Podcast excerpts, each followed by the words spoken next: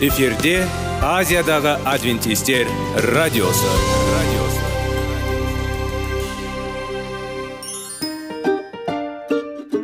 Сәлем достар. Денсаулық өмір бұлағы және біздің бірінші байлығымыз демекші денсаулық сағаты рубрикасына қош келдіңіздер. Біздің рубрикада біз әртүрлі факторларменен мәліметтерменен кеңестерменен бөлісіп шын жүректен сіздердің дендеріңіз сау болғанын қалаймыз. Сол үшін біздің рубрикаға қош келдіңіздер. Дайындалып тұрыңыздар. Өйткені келесі минуттарда қызықты фактілерге ие боласыздар. Енді достар ең бірінші байлығымызды қолымызға алып алға кеттік.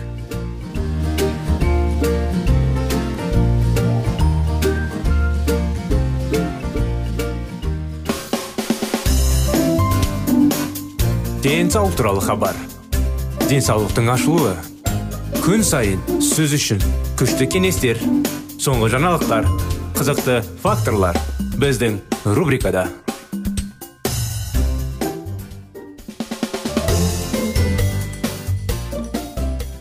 сәлем достар армысыздар құрметті біздің радио тыңдаушыларымыз біздің денсаулық сағат бағдарламамызға қош келдіңіздер сіздердің назарларыңызға дұрыс әдеттер пайдалы әдеттер тақырыптарын жалғастырудамыз өйткені бұл да маңызды денсаулыққа болып келеді сондықтан біздің бағдарламадан алыстамай бізді тыңдап жүрсеңіз не үшін дұрыс әдеттер денсаулыққа пайдалы екенін түсіне білесіздер бүгінгі күнде дұрыс әдетіміз дұрыс тыныс алу әдеті.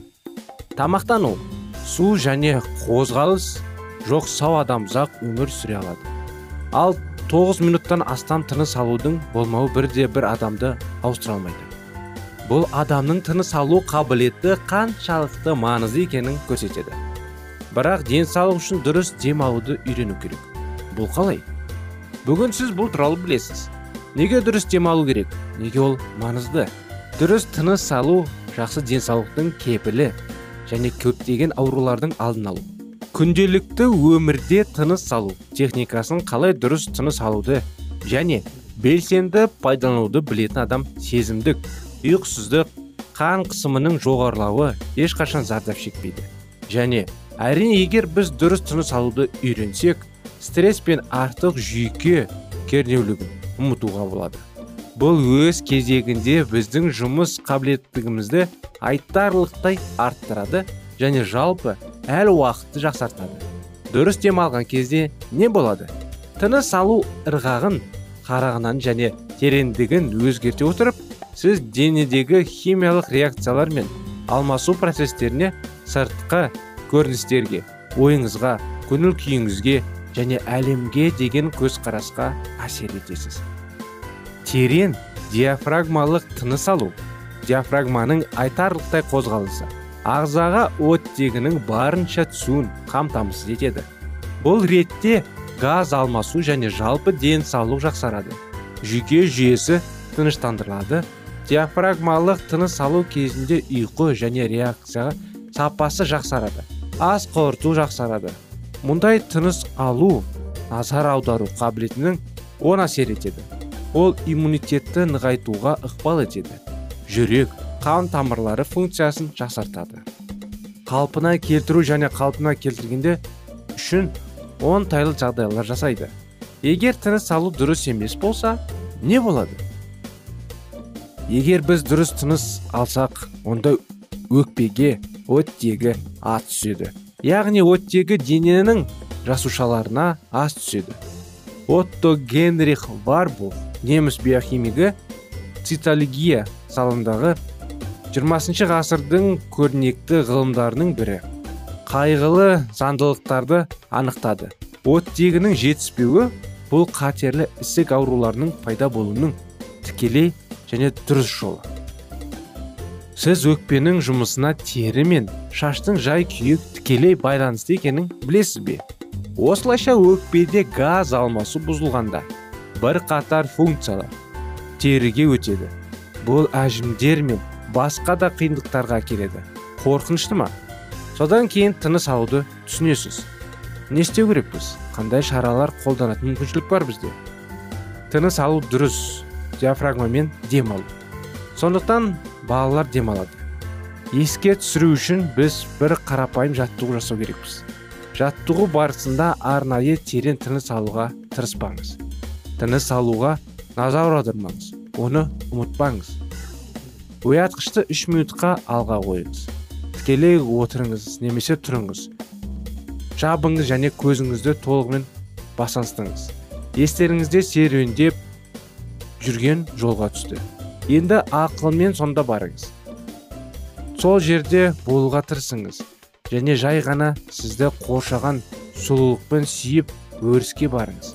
Оятқыш сағат естілген дейін сонда тұрыңыз. Сіз далада ақылмен серуендеп жатқанда сіздің денеңіз дұрыс дем ала бастайды. Түсініп отырсыздар ғой? Бір бейнені қалай енді? Бір демалыс орындарды болмаса бір ғажайып жерді елестетіп көзіңізді жұмып сол жерде болып тұрған секілді болып елестетіп тұрыңыз. Әрине сол кезде жай ғана сізді қоршаған сұлулықты сүйіп өріске барыңыз. Жаңағы оятқыш сағат естілгенге дейін сонда тұрыңыз. Осындай кеңес. Сіз далада ақылмен серуендеп жатқанда сіздің денеңіз дұрыс дем ала бастайды. Бұл жаттығудың күніне үш рет үш минуттан қайталап көріңіз. Екі апта бойы өтеді және дене дұрыс тыныс алуға үйренеді. Олардың кішкентай бөлігі емес барлық жеңіл және үнемі демалады. Сондықтан қарапайым тіпті тыныс алу процесіне назар аудармай бала сияқты дұрыс табиғи және ауыртпалықсыз тыныс алуды үйренуге болады. Саналы түрде назар аудару керек. Жалғыз нәрсе мұрынды дұрыс тыныс алу керек. Тағы бір кеңес. Жаңа айта кеткендей біз кішкентай балалар демалған кезде соларға назар аударсақ олар кеудемен емес іштерімен демалады. Негізгі дұрыс демалу ішімен демалу керек. Кеудемен емес сондықтан сондай жаттығулар істеуге тырысу керек. Тағы бір кеңес жаңа айта кеткендей түзу жерге жатып әрине сіз өтіп кетпесін суық астыңыздан. Көрпеме төсеп болмаса кровать болмаса диван үстіне жатып ішіңізге бір екі үш қатты ауыр емес кітап қойып болмаса бір екі кітап ең болмаса салмағы сезілетіндей бірақ қатты ауырмайтындай қойып соны дем алған кезде ішіңізбен соны көтеруге тырысыңыз ал дем шығарған кезде сол ішіңіз төмендету керек соңындай кезде ішіңізбен демалуға тырысасыз. Сол дұрыс демалу болады әрине. Сөйтіп үйреніп көріңіздер. Жиі жиі сол жаттығулар істеген кезде әрине дем, дұрыс демалуды үйреніп кетесіз. Тыныс алу үшін оның процесін бақылауға алу керек. Ал өзімізге дем алып отырып біз өз өмір қуатымызды өз эмоцияларымызды денсаулығымызды бақылауға аламыз. Біз сіздерді шын жүректен құттықтаймыз құрметті достар. Сіздердің демалыс жаңағы дұрыс демалу жайлы дем дем демалыс емес дем алу жайлы анықтамаларды бүгін анықтамаларды алдыңыздар өздеріңізге. Сондықтан сіздерге кеңес соны қолданып денсаулықтарыңыз зор болсын өздеріңізде жақындарыңызда. Осымен бағдарламамыз аяғына келіп жетті. Сіздерді келесі бағдарламаға қуана қуана шақырамыз. Сіздермен бірге денсаулық сағат бағдарламасы болды. Келесі жолға дейін сау саламат болыңыздар.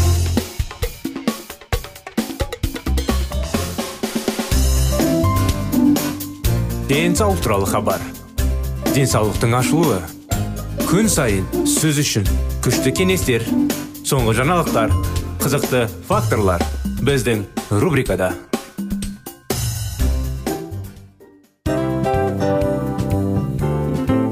Әуелі байлық денсаулық екінші байлық он саулық үшінші байлық ақ жаулық. Ал енді осындай радио парақшадан кейін не дейміз? Барлықтарыңызға денсаулықтарыңыз зор болсын деп тілейміз. Денсаулықтың өзгеруі кішкентай нәрселерден басталады. Осымен біз берген кеңестер мен мәліметтер шын жүректен сіздер үшін қандай да бір болсын жәрдем берді деп үміттенеміз. Тыңдаушыларымызбен келесі радио парақшасына дейін қоштассамыз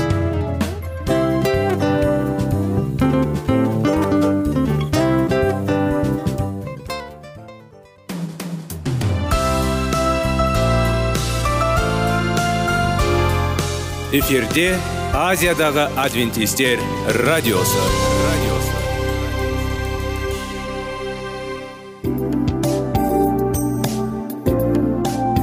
Сәлем достар. Барлықтарыңызға шын жүректен сөйлесек рубрикасына қош келдіңіздер деп айтпақшымыз. Шын жүректен сөйлесек бағдарламасы әртүрлі қызықты тақырыптарға арналған. Шындығында шын жүректен сөйлесек деген сөздің мағынасы екі достың екі адамның ортасындағы шын жүрекпен сөйлесуі бір біріне сенуі ашықтық пен шындықты білдіреді. Сол үшін біздің бағдарламалар әртүрлі қызықты тақырыптарға арналған. Дайындалыңыз жаңа қызықты мәліметтерге ие болуға. Ондай болса кеттік.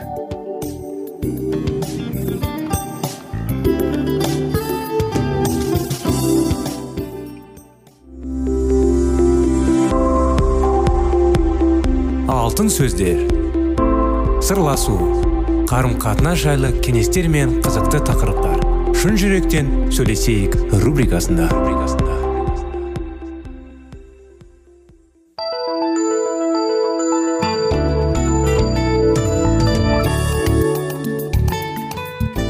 Сәлеметсіздер ме? Армысыздар құрметті достар құрметті біздің радио тыңдаушыларымыз сіздерменен бірге сіздердің назарларыңызға шын жүректен сөйлесейік бағдарламасы.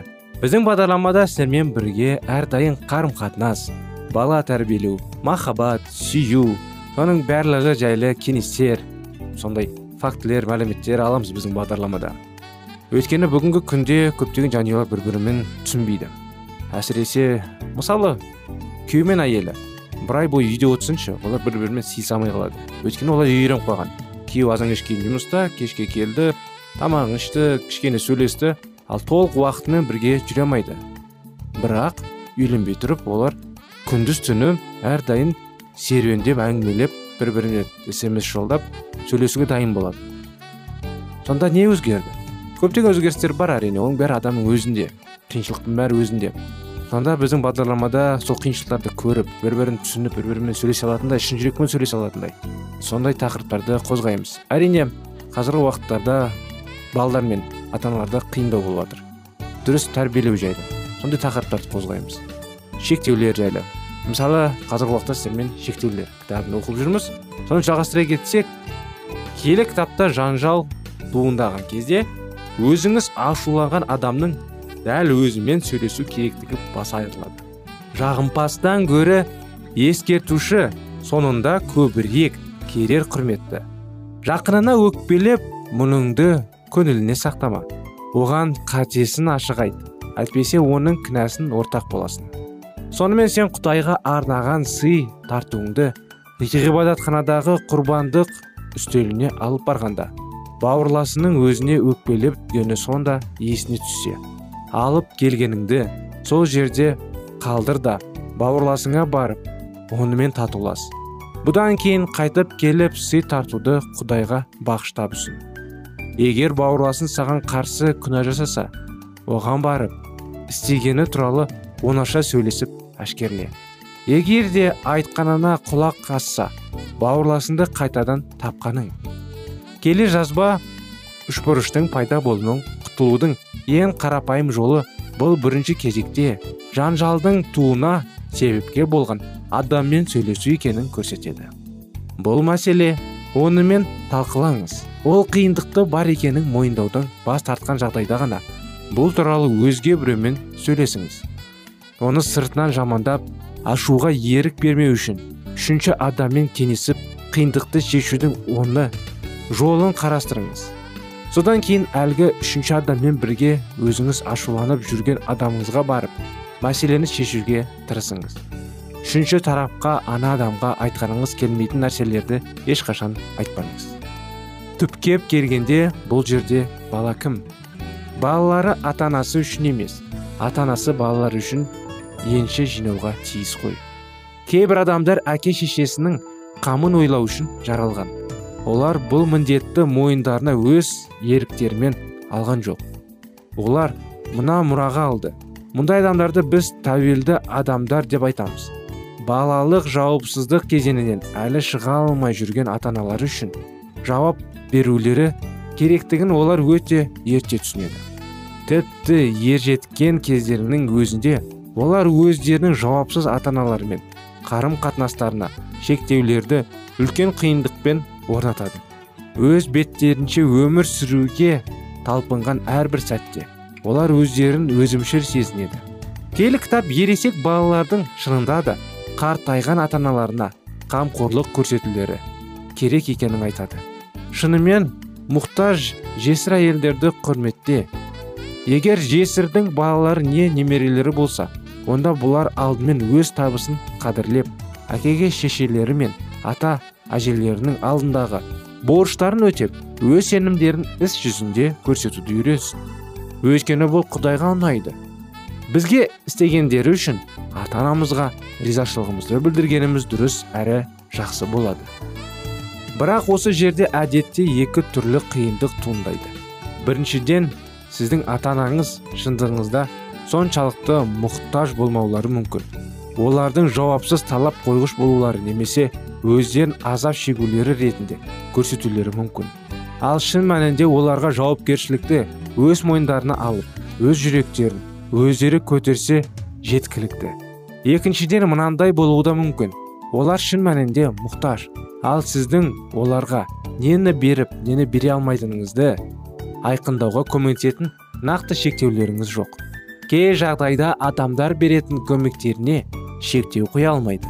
Мұндай кезде отбасындағы жағдай мысалы атаңыздың қарттық кезіне үйренген қабілетсіздіктеріне қарай айқындалатын болады. Мұндай жағдайдың некені бұзуы және балаларға кесірін тигізуі мүмкін. Отбасы нені бергісі келетінін ал нені бере алмайтынын шешіп алу тиіс. Бұл отбасы мүшелерінің ата анасының бұрынғыдай сүю және бағалау үшін және сонымен бірге реніш сезінбеулері үшін қажет. Жақсы шектеулер реніштің алдын алады. Сыйлау жақсы. Бірақ алдымен сыйлайтын нәрселердің санының жағдайға және қаратыңызға сәйкес келетініңізге көзіңізді жеткізіп алыңыз. Расында да бұл керемет кеңес құрметті достар. Көптеген кісілер бір бірінен туыстарымен достарымен мысалы бір жай қарапайым мысал келтірейік бірге мысалы бизнес ашады. Екі дос иә? Бірге ашады да бір қиыншылықтар болған кезде екеуі ұрысып қалуы мүмкін. Неліктен олар алдын ала жаңағы шекараларды өздерін жаңағы белгілеген жоқ. Сондықтан шекаралар белгілеген алдын ала дұрыс бір істерді бастай алмай мысалы жастар бір бірін сүйіп бір бірін ұнатты болды үйлене салады. Ал бір бірінің мінездері бір біріне сәйкес келе ма? Мен оған бақыт бере аламын мен оны бақытты қыла аламын ба? Болмаса әйелі күйеуіне мен оны бақытты қыла аламын ба? деген ойлары бар ма? Және де қиыншылық туған кезде бір бірімен қалай сөйлеседі? Бір бірін өкпелетіп қойған кезде қандай әрекет жасайды екен? Сондай шекараларды қойып келісімдерді келісіп алу керек алдын ала. Осындай кеңестер бүгінгі күнде құрметті достар сіздердің назарларыңызға. Осымен бағдарламамыз аяғына келіп жетті. Сіздерді келесі бағдарламада күтеміз. Келесі жолға дейін сау болыңыздар.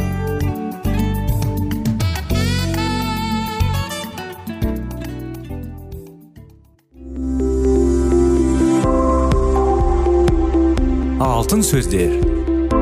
Сырласу қарым қатынас жайлы кеңестер мен қызықты тақырыптар. Шын жүректен сөйлесейік рубрикасында.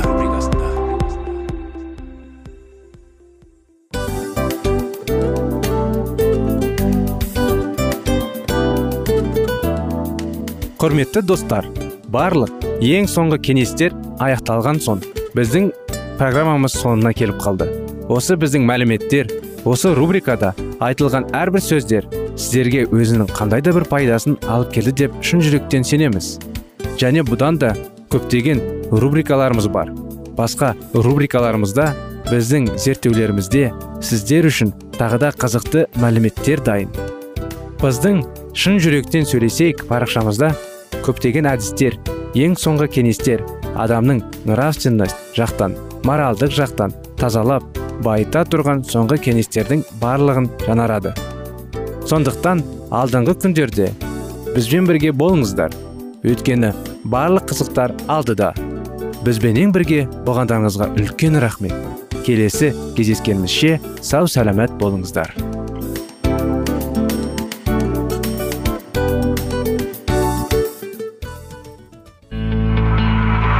Жан дүниеңді байытқан жүрегіңді жаңғыртқан өмірдің мағынасын ойландырған рухани жаңғыру рубрикасы.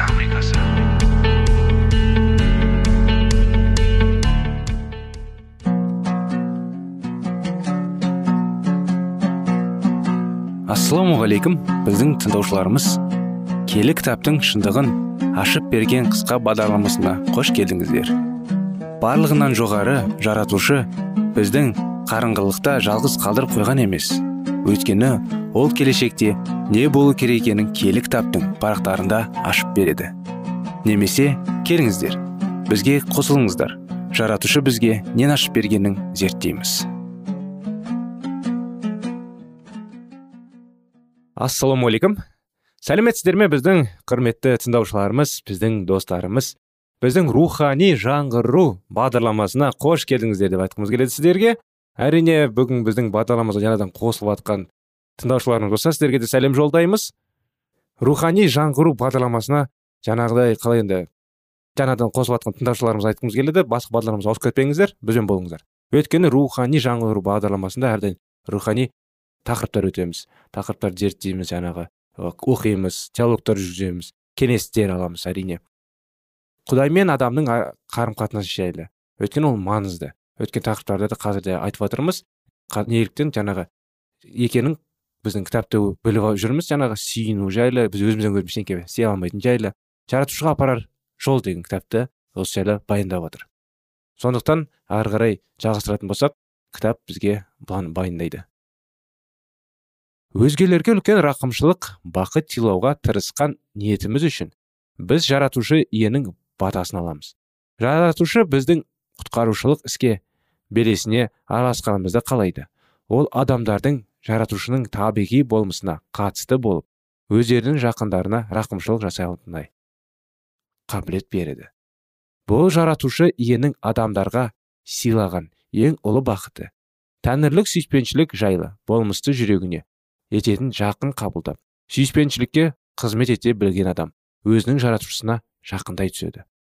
Жаратушы ие аспандағы періштелеріне өзінің киелі кітабын сүйіспеншілік пен сенім туралы ізгі хабарларын адамдарға жеткізу жөнінде тапсырмай берген болар еді. Тәңір ие өз мақсатын жүзеге асыру үшін басқа да құралдарды қолдана алар еді. Жаратушы ие көмекшілікке бізді таңдады. Біз масықпен және періштелермен бірге еңбек етіп олардың баталары мен қуаныштарына ортақ бола отырып осындай жан қиялатпен құлшылық етудің арқасында рухани тұрғыда сөйсе түсіреміз хақ. Адамзат баласының күнәдан құтқарылып мәңгілік өмір патшалығына шеру тарту үшін біз мәсіхпен рухани үйлесімділік жағдайында бірге еңбек етіп жанқиярлық қызметтерді бірге атқара жүріп рухани жағынан өсе түсерміз. Біз иса мәсіхтің біздің құтқаруымыз жолында азапқа түсіп қиналғанын сынымызбен терең түсінген жағдайда онымен рухани үйлесімділік жағдайында өмір сүре бастаймыз. Өзгелердің игіліктері үшін атқарған істеріміз адамгершілік ізгілік қасиеттерді бойымызға сіңіріп әлемнің құтқарушымызын аңсағыр анағұрлым тағы байланыста болуымызға әсерін тигізеді. Осының өзі біздерді анағұрлым мейірбанды да ілтипатты болуға жетелейді. Ол сондай бай бола тұрса да сендердің рухани боюларың үшін бәрінен бас тартып жоқшылыққа ұшырады. Екінші қорытындыларға арналған хаттың сегізінші тарауында тоғызыншы аятында деген осылай. Біздің өміріміз біз өміріміздің жаратылғанда мақсат мүддері үшін ізгілікті іс әрекеттер жасайтын болсақ қана баталы болады. Иса масықтың қалаулы бойынша ізгілікті амалдар жасап оның дініне ілтипатпен қарап мойын ұсынған жандарды исаға ертіп анағұрлым бай түсіп құдайды анағұрлым тереңірек танып беруге деген ой ниетіміз бен рухани жеткізіміз күшейте түседі осы өмірде кездескен қиындықтар мен сынақтар бізді әрқашан киелі кітапты тереңетін зерттеп оқып үйреніп тұрақты түрде сиініп жаратушы еге дуға тілектерімізді бағыштауға деген ынта ықыласымызды арттыра түседі. Сөйтіп құдай әкенің көрсеткен ақиқи жолмен жүріп құдайға құлшылық етіп дұға тілерімізді бағыштау біздің өміріміздің бұлжамы санына айналады. Өзге адамдарға қызмет етіп оларға асқан ілтипатпен адам ниетпен қарап олармен ілтипатты түрде қарым қатынас жасау адамдардың өз бойларына мінсіздің тұрақтылығы жоғары адамгершілік жан дүниенің тазалығы сияқты ізгі қасиеттерді жинақтауына мүмкіндік береді. Құдайдың рухы адамдардың жүректеріне тәңірлік сүйіспеншіліктің жарын нұрын сүйіп адамдардың тақуалықпен өмір сүрулеріне ықпал етеді. Мәсіхтің өзімізге жүктеген қиырымдылығын істерін бар ынтықмаласпен жан тәнімізбен риясыз атқарын мұқтаждық көзгендерге жәрдем беріп олардың бақытқа бөлуіне ықпал ете білсек онда біздің жан дүниеміз бай түседі. Әрдайым еңбек ету үстінде болу біздің күшіміздің де шынындай түседі. Мәсіх үшін ешқандай еңбек сіңірмей ақ өздерінің рухани өмірін қалыпты жағдайда ұстауға талаптындыры жұмыс істемей ақ іс ішуге даяр тұратын адамдар сияқты болмайды. Өз денесін қозғалса келтіргісі келмейтіндер көп өтпей ақ іс әрекет ету қабілетін жоғалтады. Сол сияқты құдайдың өзіне берген күш қуатын ойдағыдай пайдалана алмаған мәсіхте мәсіхпен бірге өсу қабілетін жоғалтты. Мәсіхтің шіркеу адамдардың құтқару үшін құдайдың алдын ала берілгені құралы болып табылады. Оның міндетті келі кітаптың сөзін тәңірлік болмас туралы ақиқи шындықты бүкіл дүние әлеміне тарату болмақ. Бұл міндет өздерін мәсіхшіліміз деп атап жүрген барша адамдарға жүктелген. Әркім өздерінің хал қалдары қабілеті келгенше құтқарушының өздеріне жүктеген міндеттерін мүлтіксіз орындауы тиіс. Иса мәсіхтің бізге деген шексіз де риясыз сүйіспеншілігі біздерді оны білдіретін бәріне алдында қарыздар етеді. Егер мәсіхтің ізбасарлары өздерінің міндеттері жақсы түсінгенде қазіргі кезде жалған дін таратының адасушылары арасында келі кітапта кенен қасиғаттан болар еді. Шын тайтуға келгенде ондай жерлерде бірлі жарым дін уағыздаушыларды ғана жүр. Бұл еңбекке жекелі қатыса алмайтындар бұл игілікті істі өз қаражаттарымен жанашырлығымен және дұға тілектермен қолып отырады. Егер әркім өзінің отбасына көршілер арасында құдайдың игілігін істерін ізгі хабарларын таратқысы келгендер болса онда біздердің алыс шалқай жерлерге елдерге баруымызды қажеті жоқ. Біздер жаратушы иеміз туралы ақиқи шындықты жергілікті жерлерде отбасымызды ғибадатханада өзіміз араласып бірге қызмет істеп жүрген адамдардың арасында кеңінен насихат аламыз. Мінекей достар әрдайым құдай иеге сиініп оның қызметін істеп әрине оған жақынырек болса әрине бәрі жақсы болады. Әрдайым соны қайталамыз қатты қайталаймыз. Сену керек құдайдың сөзін тыңдау керек киелі кітапты оқып жүру керек. Әрдайым рухани өмірімізді біз жаңғырып отыруымыз керек. Сондықтан бұл тақырыптың жалғасы келесі жолы болады. Бізбен болғандарыңызға рахмет. Сау сәлеметті болыңыздар.